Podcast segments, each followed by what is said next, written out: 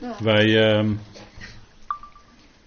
we gaan weer verder en we kijken naar het facet vrucht van de geest, de vreugde. Dat is eigenlijk het tweede facet hè, wat dan klinkt. En we gaan verder met een punt, hè, want dat woord verheugen of vreugde komt eh, heel vaak voor. En in Thessalonicense zegt Paulus ook zo'n bekende, hele korte tekst is dat. Verheug je altijd. En daar kun je natuurlijk een vraagteken bij zetten. want Paulus zegt dat natuurlijk ook in Filippenzen. Uh, daar heeft hij het heel vaak over je verheugen en vreugde. En uh, als je Filippenzen doorloopt, dan, dan kom je dat woord echt vaak tegen. En voor een heel aantal gelovigen is dat best wel opmerkelijk dat Paulus er zo over spreekt. Hè? Want je kunt natuurlijk allerlei uh, situaties bedenken uh, waarin een mens zich juist niet zou verheugen.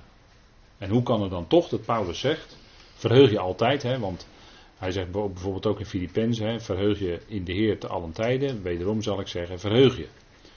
Hè, dus heeft hij ook over dat te allen tijden. En hoe kan dat dan? Dat je je altijd verheugt. Paulus zegt, verheug je altijd tegen Thessalonicenzen.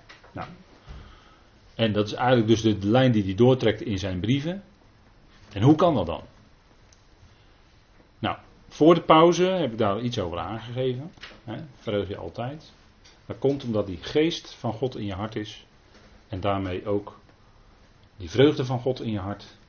En die genade, hè, die is er altijd. En die genade, gaandeweg dat je op weg bent en het evangelie steeds beter leert kennen.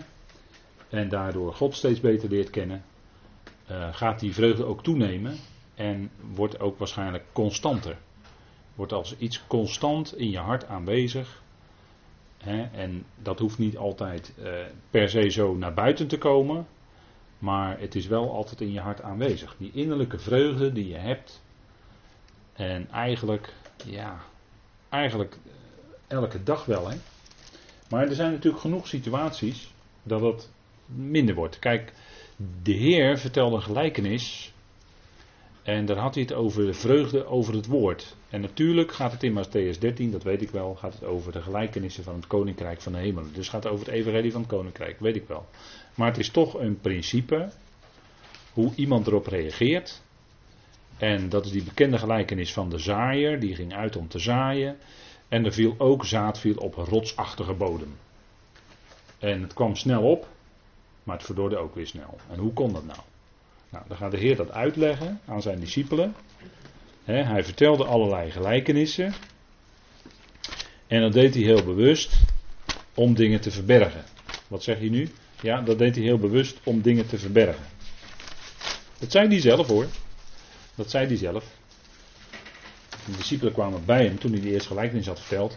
Toen, zei toen vroegen zijn discipelen gelijk aan hem: Waarom spreekt u tot hen door gelijkenissen? Want hij gebruikt een bepaalde manier van spreken niet om iets duidelijk te maken, maar om iets te verbergen. En dan zegt hij ja, omdat het hun niet gegeven is nu te verstaan. Dat zegt hij, dat zegt hij allemaal, hè, in Matthäus 13 ook.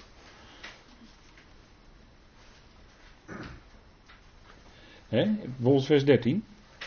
Daarom spreek ik tot hen, dus tot de menigte, Joodse, hè, Israëlieten, door gelijkenissen. En dan staat er in mijn vertaling staat er omdat, maar er staat eigenlijk dat zij niet zien, ook al zien zij, en niet horen, ook al horen zij, en ook niet begrijpen. Dus ze horen wel die woorden, maar ze begrijpen niet waar hij het over heeft. En dat was ook precies de bedoeling. Want hij haalt daarbij aan Jezaja. En Jezaja kreeg de opdracht om het woord tot het volk te spreken. En dan zegt de Heer erbij tegen Jezaja, notabene, opdat het hart van dit volk vet is, wordt.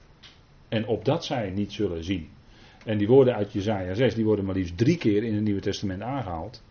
En dat is dus iets wat de Heer dus hier met die gelijkenissen heel bewust doet. Daarom spreekt de Heer tot hen door gelijkenissen. En dat wordt vaak niet begrepen. Ook niet als je het zegt. En ook niet als je de mensen voorhoudt. Dat je ineens zo zegt van ja, maar de Heer sprak gelijkenissen. Juist met de bedoeling dat zij het niet zouden verstaan. Huh? Hoe kan het nou? Nou, dat zei hij zelf. Opdat zij het niet zouden verstaan. En dan gaat hij het privé, gaat hij het aan de discipelen gaat hij het uitleggen. Maar niet aan de menigte. Begrijpt u?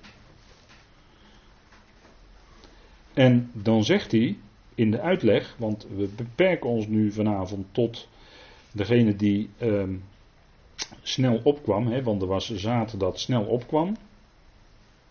Eerst komen die vogelen des hemels enzovoort. Maar er was ook zaad dat wel snel opkwam. Vers 5. Een ander deel viel op steenachtige plaatsen, waar het niet veel aarde had. En het kwam meteen op, doordat het geen diepte van aarde had. En toen de zon opgegaan was, verschroeide het. En doordat het geen wortel had, verdorde het. Wat betekent dat nu? Nou, de Heer legt dat uit, later in het hoofdstuk. En dan zegt hij in vers 20, dat is de uitleg. Maar bij wie op de steenachtige grond gezaaid is, dat is hij die het woord hoort en dat meteen met vreugde ontvangt. Hij heeft echter geen wortel in zichzelf, maar hij is van het ogenblik. En als er verdrukking of vervolging komt omwille van het woord, struikelt hij meteen. Dus dat wat snel opkwam, dat verdorde ook heel snel weer. Door de zon, de verschroeiende hitte, dat is een beeld van verdrukking en vervolging, weten wij nu. Hè? De verschroeiende zon. Verdrukking en vervolging. En dat gebeurt ook bij, dat zie je ook bij mensen gebeuren. Die zijn ineens heel snel blij met het woord. En dan komt er verdrukking of vervolging vanwege dat woord. En dan verdort het ineens. Dan, dan is het ineens voorbij in dat leven.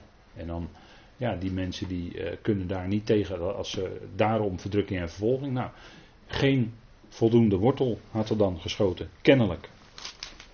Een verschijnsel, het zij zo. Maar het gaat erom, ze hadden dus vreugde over het woord. Hè, want uh, ons onderwerp vanavond is vreugde. En wij hebben dat woord ook in ons leven met vreugde ontvangen. En die vreugde bij ons is gebleven. Die vreugde bij ons is gebleven. En het punt is dat er kan, en dat is nu even waar het om gaat, er kan en er komt, hoe dan ook in ons leven, op een of andere manier verdrukking en bij gelegenheid ook vervolging omwille van het woord. En er kan ook, ons overkomt sowieso verdrukkingen. Maar er kan ons ook verdrukkingen en vervolgingen overkomen. En een vervolging is natuurlijk ook weer een vorm van verdrukking. En is het dan zo dat je in die verdrukkingen, in die vervolgingen, toch vreugde kan houden? Kan die vreugde dan toch van binnen blijven?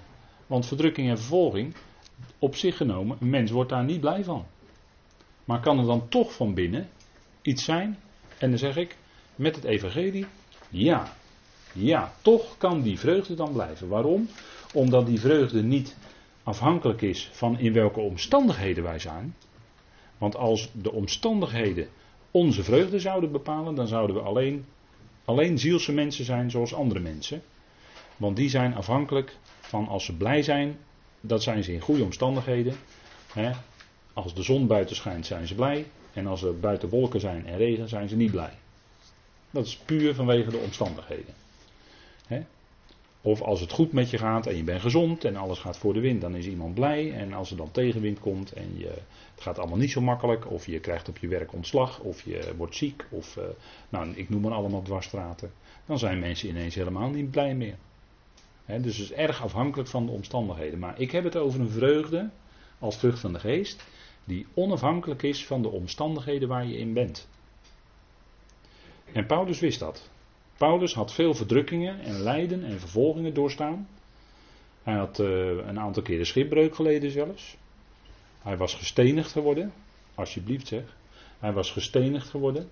Hij had meerdere keren de 40 min 1 slagen gehad. Weet u wat dat zijn? 40 min 1 slagen krijgen. Dat is letterlijk je rug openslaan. Is dat. Ik zeg het even plastisch.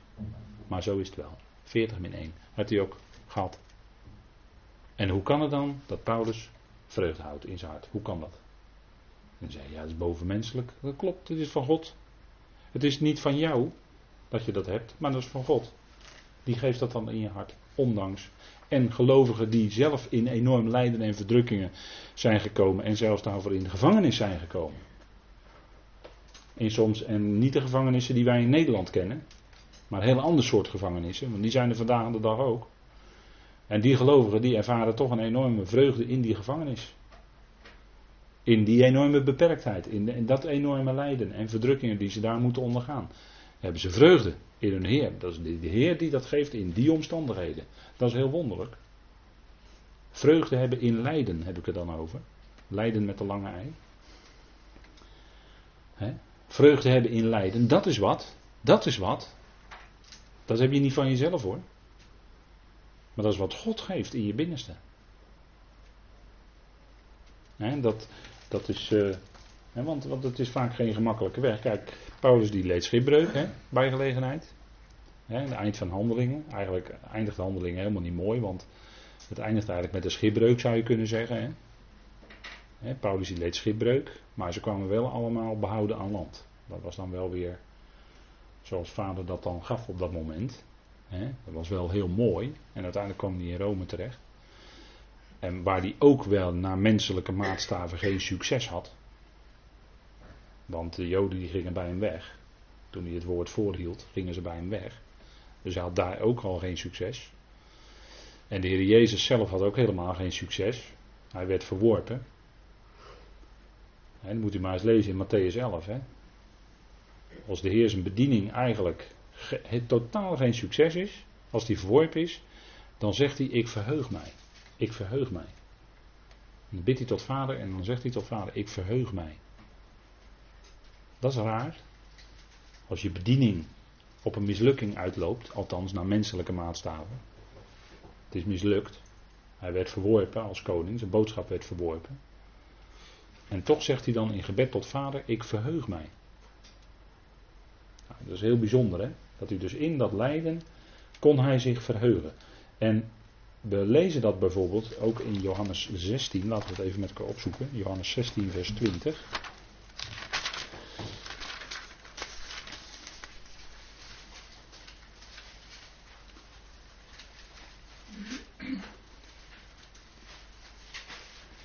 En dat zegt hij dan tegen zijn discipelen, dat weet ik wel. Maar dat zijn woorden die wel tot voorbeeld geschreven zijn, omdat dit toch een bepaald principe is. Johannes 16, vers 20. En daar zegt hij natuurlijk een heleboel dingen in die opperzaal daar, vlak voordat hij uh, gekruisigd gaat worden. Voorwaar, voorwaar, ik zeg u, als dat komt twee keer, hè, als dat amen, amen, als dat twee keer komt, dan komt er iets heel belangrijks. Hè. Ik zeg jullie dat jullie zullen huilen en weeklagen, maar de wereld zal zich verblijden. En jullie zullen bedroefd zijn, maar jullie droefheid zal tot vreugde worden. Jullie droefheid zal tot vreugde worden. Dat is bijzonder, hè?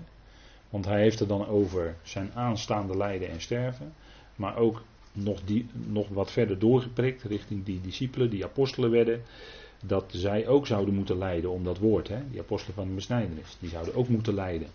Die zouden ook droefheid ondergaan. En dan zegt hij toch, jullie droefheid zal tot vreugde worden.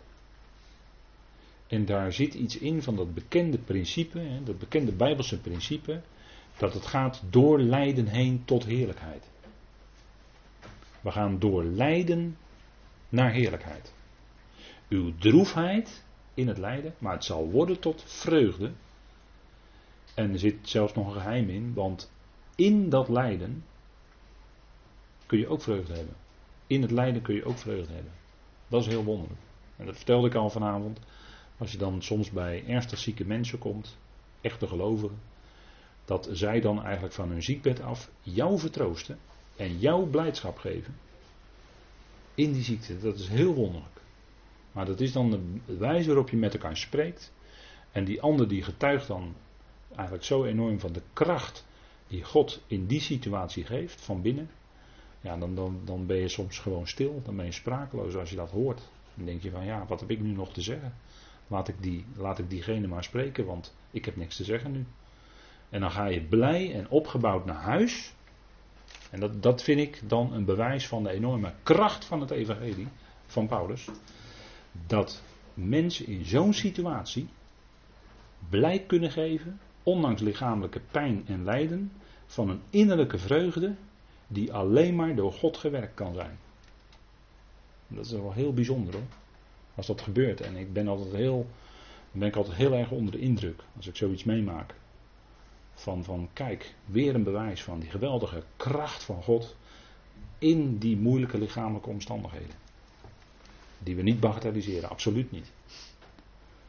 Maar toch, hè, toch.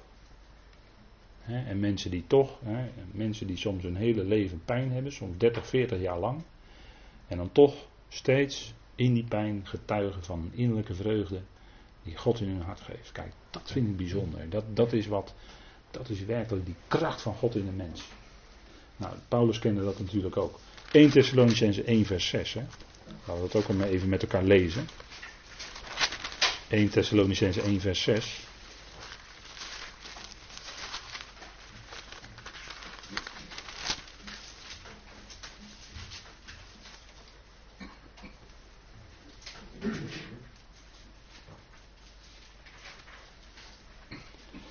En daar staat, en dat heeft dan weer te maken met het woord. Want dat, we kunnen dit vanavond, die vreugde natuurlijk nooit loszien van het woord. Ook u bent navolgers geworden, zegt Paulus tegen die Thessalonicenzen. 1 Thessalonicense 1, vers 6. Jullie zijn navolgers geworden van ons en van de Heer. Toen jullie het woord aannamen, te midden van veel verdrukking, met vreugde van Heilige Geest. Kijk, ze namen dat woord aan, ze werden verdrukt, ze werden vervolgd, die Thessalonicenzen. Het was niet makkelijk, maar ze namen dat woord aan wat Paulus bracht, met vreugde van Heilige Geest. Dus in die verdrukkingen, in dat wat ze doormaakten, gaf God hen door zijn geest een geweldige vreugde hè, met dat woord. En ze droegen dat woord ook uit, zodat het in een groot gebied verspreid werd. Dat is bijzonder, hè? Dus te midden van veel verdrukking kun je toch vreugde hebben, omdat de Heilige Geest dat in je hart werkt. Dat is ook weer bijzonder, hè? En als, als u, als jij en ik nou verdrukkingen doormaken, nou, dan is die geest er in ons als aanbetaling. Nou, ook op Hemelvastdag had ik het daar heel even over. Naar aanleiding van 2 Korinthe 5. Hè, die geest als aanbetaling in ons hart. Dan is het niet alleen uh, het zuchten wat wij doen, misschien in onze lichamelijke verdrukkingen. We worden steeds geconfronteerd met onze sterfelijkheid en vaak ook met lichamelijke pijn. Maar in die situatie zuchten we aan de ene kant, omdat we graag dat, dat andere lichaam willen ontvangen. Willen graag veranderd worden. Dat gebouw uit God. Hè. Maar tegelijkertijd hebben we ook verlangen. Hè, niet alleen zuchten is het, maar ook verlangen naar dat heerlijkheidslichaam wat God zal geven. En die verwachting die God geeft. En die geeft ook, te midden van verdrukking, vreugde in ons hart. Die verwachting die God geeft, dat het gaat van lijden, hè, van verdrukkingen, ja, nu wel, maar dat is toch, moet ik met Paulus zeggen, is het toch van korte duur. Want de heerlijkheid die komt, die is zo enorm groot en die is ook eonenlang. In de komende eonen zullen we enorme heerlijkheid meemaken. Nou, dat overtreft de korte periode dat wij hier lijden en verdrukking meemaken ver, heel ver. En zegt u, ja, dat zeg je nou wel makkelijk, maar je moest dus weten wat ik meemaak. Nou, ik zeg dat eigenlijk met Paulus mee. De schrift getuigt ervan, Paulus getuigt ervan, in 2 Korinthe 4, hè, daar zegt hij het. En dan noemt hij zelfs zijn verdrukkingen, en Paulus overkwam heel wat verdrukkingen en ook lichamelijke pijn hoor. Paulus wist waar hij over sprak. Maar Paulus zei in 2 Korinthe 4 dat de lichte last van de verdrukking van een ogenblik, zo sprak hij erover, bewerkt voor ons een langdurig, een ionisch gewicht aan heerlijkheid. En dan zet Paulus het in, het juiste, in de juiste balans. Hè? Dan komt het in de juiste proporties te staan. Alleen wij worden geconfronteerd met ons dagelijkse moeite, met ons dagelijks pijn, verdrukkingen. En dan lijkt dat voor ons vaak heel groot. Maar als God het geeft dat we door het evangelie iets gaan zien van die geweldige heerlijkheid, van die geweldige verwachting die we hebben. En daarachter natuurlijk staat die geweldige God die we mogen kennen. De Vader van onze Heer Jezus Christus. Als, we, als God het geeft dat je daar meer en meer zicht op krijgt, dan ontstaat er een vreugde in je hart Waardoor je toch dat lijden wat er is, daar ga je toch wat anders tegen aankijken. Hoe moeilijk het ook is. En dan ga je toch anders ervaren. dan iemand die, ja, dan iemand die totaal niet gelooft. Want je hebt uitzicht. Je hebt uitzicht op een heerlijkheid die komt en die zal zo alles overtreffend groot zijn. Dan zult u verbaasd staan, meer dan verbaasd, over wat u dan meemaakt. En daar gaan we naar de berg. En dat is eonenlang. Dat is eonisch. Dat is niet zomaar even 100 jaar. Nee, dat is blijvend. En die heerlijkheid zal alleen maar toenemen naarmate Gods plan zich dan verder ontwikkelt. Zal die heerlijkheid alleen nog maar groter worden. Dat is voor ons soms moeilijk voor te stellen. Maar zo schrijft Paulus erover. En, en eh, dan, dan, ja, dan ga, ga, je er toch anders tegenaan kijken, hè? vanuit geloof. Kijk, Paulus die kende in zijn verdrukkingen die vreugde, dat hebben we al even gelezen met elkaar, hè? dat 2 Korinthe 7. Dat Paulus uh, met die Corinthiërs dan als het ware in zijn brief in gesprek is. En dan zegt hij ook in dat 2 Korinthe 7, en misschien nog heel even erbij pakken. Want hij spreekt daar ook over datzelfde, hè, dat hij dus vreugde heeft in verdrukkingen.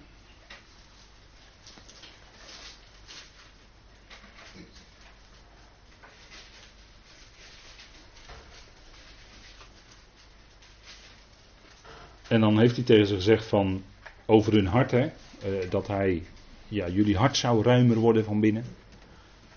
Dat is wat hij verlangde, dat er bij de Corinthiërs dat hart ruimer zou worden naar hem toe, vooral naar zijn woord. En dan zegt hij in vers 3, ik zeg dit niet om jullie te veroordelen, want ik heb jullie al eerder gezegd dat jullie in onze harten zijn en dat wij samen met jullie zouden willen leven en sterven. Ik heb veel vrijmoedigheid tegenover jullie, ik heb veel te roemen over jullie, ik ben vol van vertroosting en wordt overstelpt met vreugde. Eigenlijk staat er en ik heb overvloeiende vreugde. Overvloeiende vreugde. In al onze verdrukkingen. Dus ja, hier heb je het weer. Hè. Vreugde, zegt hij, overvloeiende vreugde. In al onze verdrukkingen. Dus in die verdrukkingen, in dat lijden, kende Paulus toch een overvloeiende vreugde zelfs. Nou wordt het nog wonderlijker, hè? Hij kende zelfs een overvloeiende vreugde.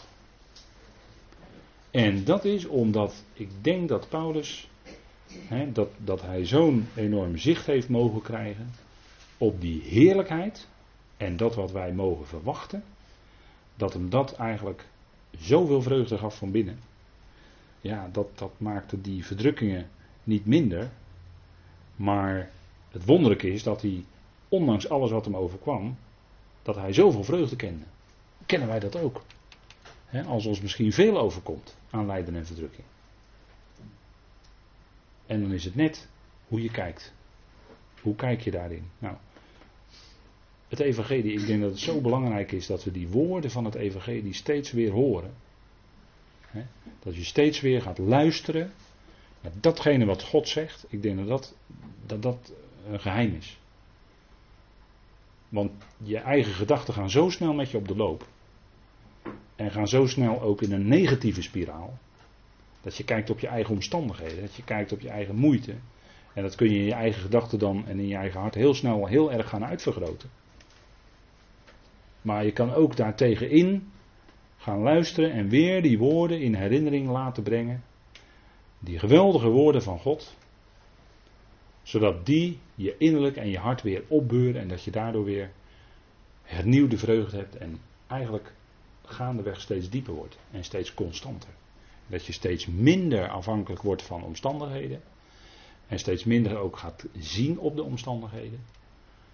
Maar dat je een constante vreugde kent in je hart, die eigenlijk, door, ja, eigenlijk steeds minder te verstoren is. En, en dat is het werk wat God dan in ons doet. Hè. En dan zegt hij ook, want kijk maar eens wat hem overkwam, vers 5. Dat was natuurlijk in zijn bediening, maar wij kennen allemaal in ons leven wel op een of andere manier verdrukkingen. Want ook toen wij in Macedonië gekomen waren, heeft ons vlees geen rust gehad. Maar we waren in alles verdrukt. Van buiten waren er conflicten en van binnen vrees. En dat kan ik me soms wel wat bij voorstellen. Ja. Maar God, die de nederige troost, heeft ons getroost door de komst van Titus. En niet alleen door zijn komst, maar ook door de troost waarmee hij bij u getroost werd. Hij deed ons verslag van uw vurig verlangen, uw treuren en uw ijver voor mij. En zo werd ik des te meer verblijd. Er was onder die Corinthiërs toch wat respons op zijn boodschap. En er was toch ook onder die Corinthiërs wel waardering voor zijn boodschap en voor dat wat hij heeft mogen doen. Nou, dat verheugde Paulus enorm. Hè? Vreugde in lijden. En als we kijken naar de Heer, hoe was het nou bij de Heer Jezus zelf? Nou, daar zegt eh, de schrift wel iets over. Uh, Hebreeën 12. Hè, want de Heer heeft natuurlijk enorm geleden. De redding die wij ontvangen en de redding die heel de schepping zal ten deel vallen. Dat is uh, niet zomaar tot stand gekomen hoor, maar dat ging via een weg van enorm diep lijden. Een lijden wat wij niet kunnen peilen. Maar wat hij als de zoon samen met de vader heeft doorgemaakt. Dat is enorm geweest hoor. Dat is enorm diep gegaan.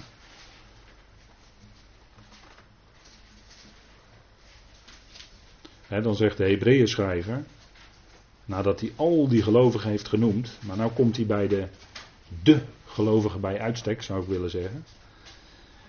En laten we met volharding de wedloop lopen die voor ons ligt, terwijl we het oog gericht houden op Jezus, de leidsman en voleinder van het geloof. En dat zegt hij dan na een heel hoofdstuk 11 vol met gelovigen. Maar hier gaat het om de ultieme gelovige, die ver boven alle anderen uitstijgt, onze Heer Jezus Christus. Hè? Hij is de leidsman en de voleinder van het geloof. En hij heeft om de vreugde die hem in het vooruitzicht was gesteld. Dus kijken hè, wat, wat, wat, wat die verwachting van vreugde, wat het bij de Heer Jezus zelf bewerkte. Hè? Dat hij zo'n diepe leidersweg heeft kunnen doormaken. Om de vreugde die hem was voorgesteld. Hij wist dat vader hem zou opwekken uit de dood. En als, wij, als het ook ons nog zou overkomen dat wij ook komen te overlijden, dat zou misschien kunnen, dan kunnen wij ook, net als hij, toch daardoorheen kijken, want wij weten, net zoals hij, dat vader ons zal opwekken uit de dood. En, en ik doelde vanavond, of ik had vanavond al eerder over 1 Thessalonicense 4. Maar dan gaat dat natuurlijk gebeuren als die bazuin klinkt. Als die bevelende roep gaat klinken net zoals de Heer riep, Lazarus hierheen eruit. Dan zal hij dan misschien wel zeggen, gemeente hierheen eruit. En dan komen ze allemaal. De hele gemeente komt dan.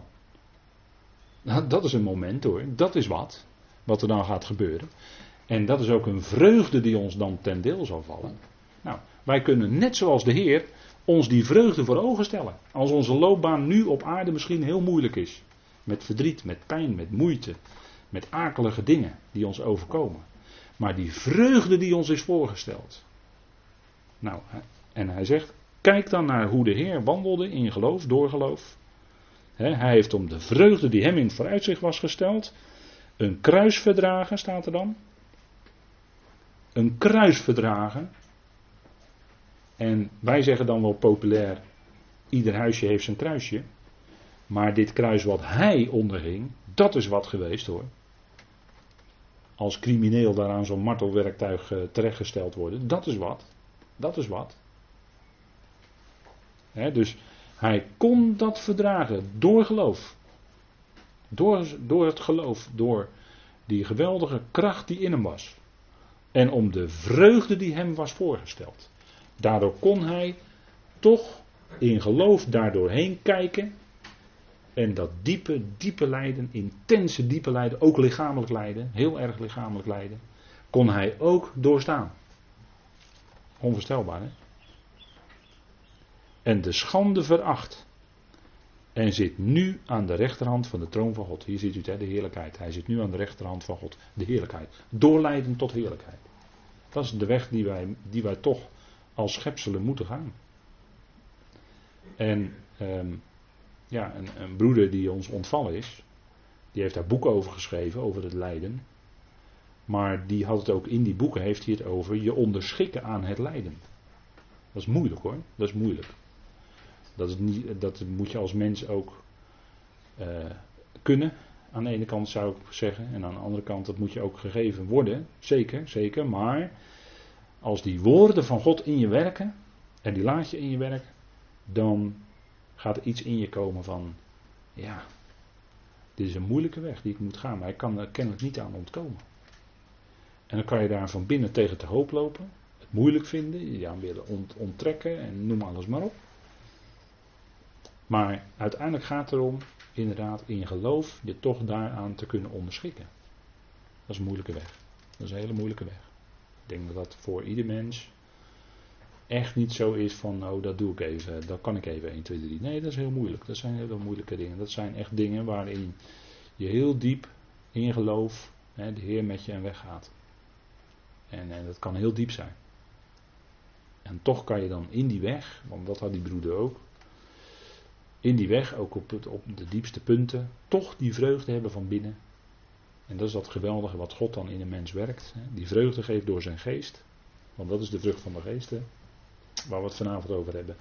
Die vreugde hebben in dat lijden. En je daaraan dan toch kunnen onderschikken. Want onderschikking is eigenlijk het doel van God. Hè? Daar, gaat, loopt alles op uit.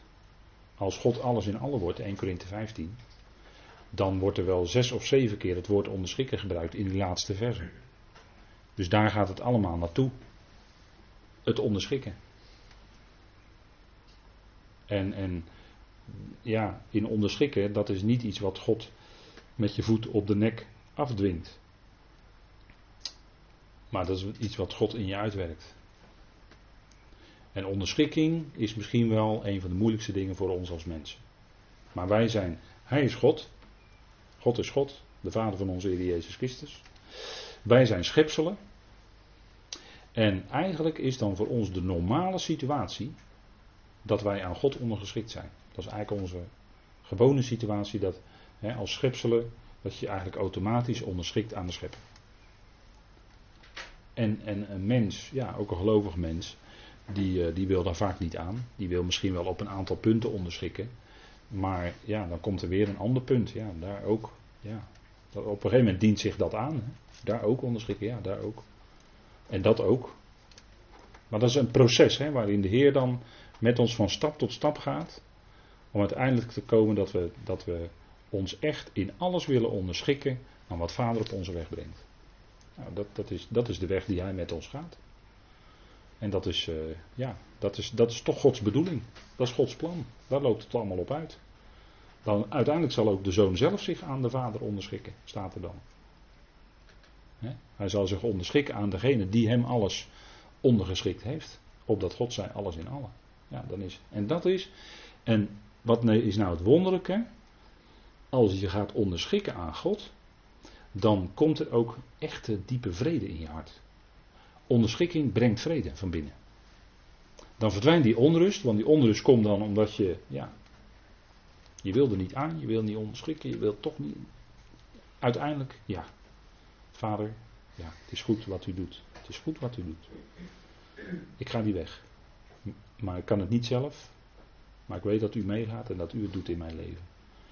Nou, dan onderschik je je en dan merk je automatisch dat je vrede in je hart krijgt.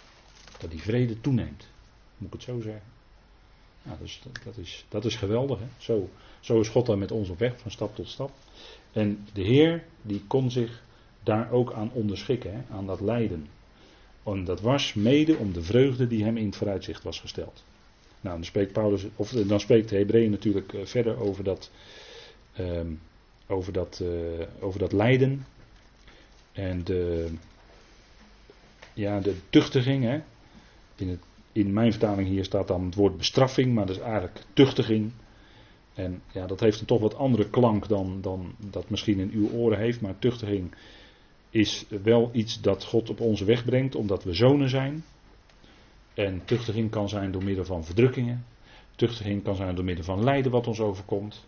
Maar eh, dan neem ik nog even vers 11 mee als afsluiting dan vanavond. En elke bestraffing of elke tuchtiging schijnt op het moment geen reden tot vreugde, of geen vreugde te zijn, maar droefheid. Maar later geeft zij hun die erdoor geoefend zijn, een vreedzame vrucht. Ziet u, daar zit ook dat woord vrede in. Van gerechtigheid. Zo moet het. Zo zet God dat dan. En gerechtigheid wil zeggen dat de dingen recht komen te liggen of recht gezet worden in je leven. God die de dingen recht zet, dat is gerechtigheid. Nou, dat geeft dan ook vrede als je je daaraan schikt. Een vreedzame vrucht van gerechtigheid. En dat is ook met vreugde, want hij heeft het hier in vers 11 over vreugde. Het lijkt geen vreugde te geven op dat moment, maar je eerste reactie is misschien bedroefd, dat je er bedroefd over bent. Maar later, als die vreedzame vrucht daar is, als die vrede in je hart, dan zal je ontdekken dat ook die vreugde toeneemt. En dat je die tuchtiging, of dat wat de Heer in jouw leven doet, dat je daar ten diepste toch vreugde over hebt. En dat je gaat ontdekken dat het toch het beste was. Het beste is. En natuurlijk is dat het beste, want de Heer weet natuurlijk altijd veel beter dan wij. Wat het goede is. Hè? En daarom kunnen we altijd alles met gebed en smeking, met dank, met dank bij Hem bekendmaken. En dan gaat die vrede van God, die gaat dan je hart en je gedachten bewaren in Christus Jezus. Als was het in een vesting, dat woord zit een beetje in dat bewaren. Dat is omdat je beseft en je kunt danken. Je kunt danken in alles wat je met gebed en smeking bij de Heer brengt. Waarom kun je danken? Omdat je weet dat Vader ten diepste alles doet samenwerken tot het goede. En het komt omdat wij niet de hele weg overzien, maar omdat Vader die hele weg wel overziet. En veel beter weet dan wij wat moet zijn. Goed, nou, tot zover voor vanavond. Thank you.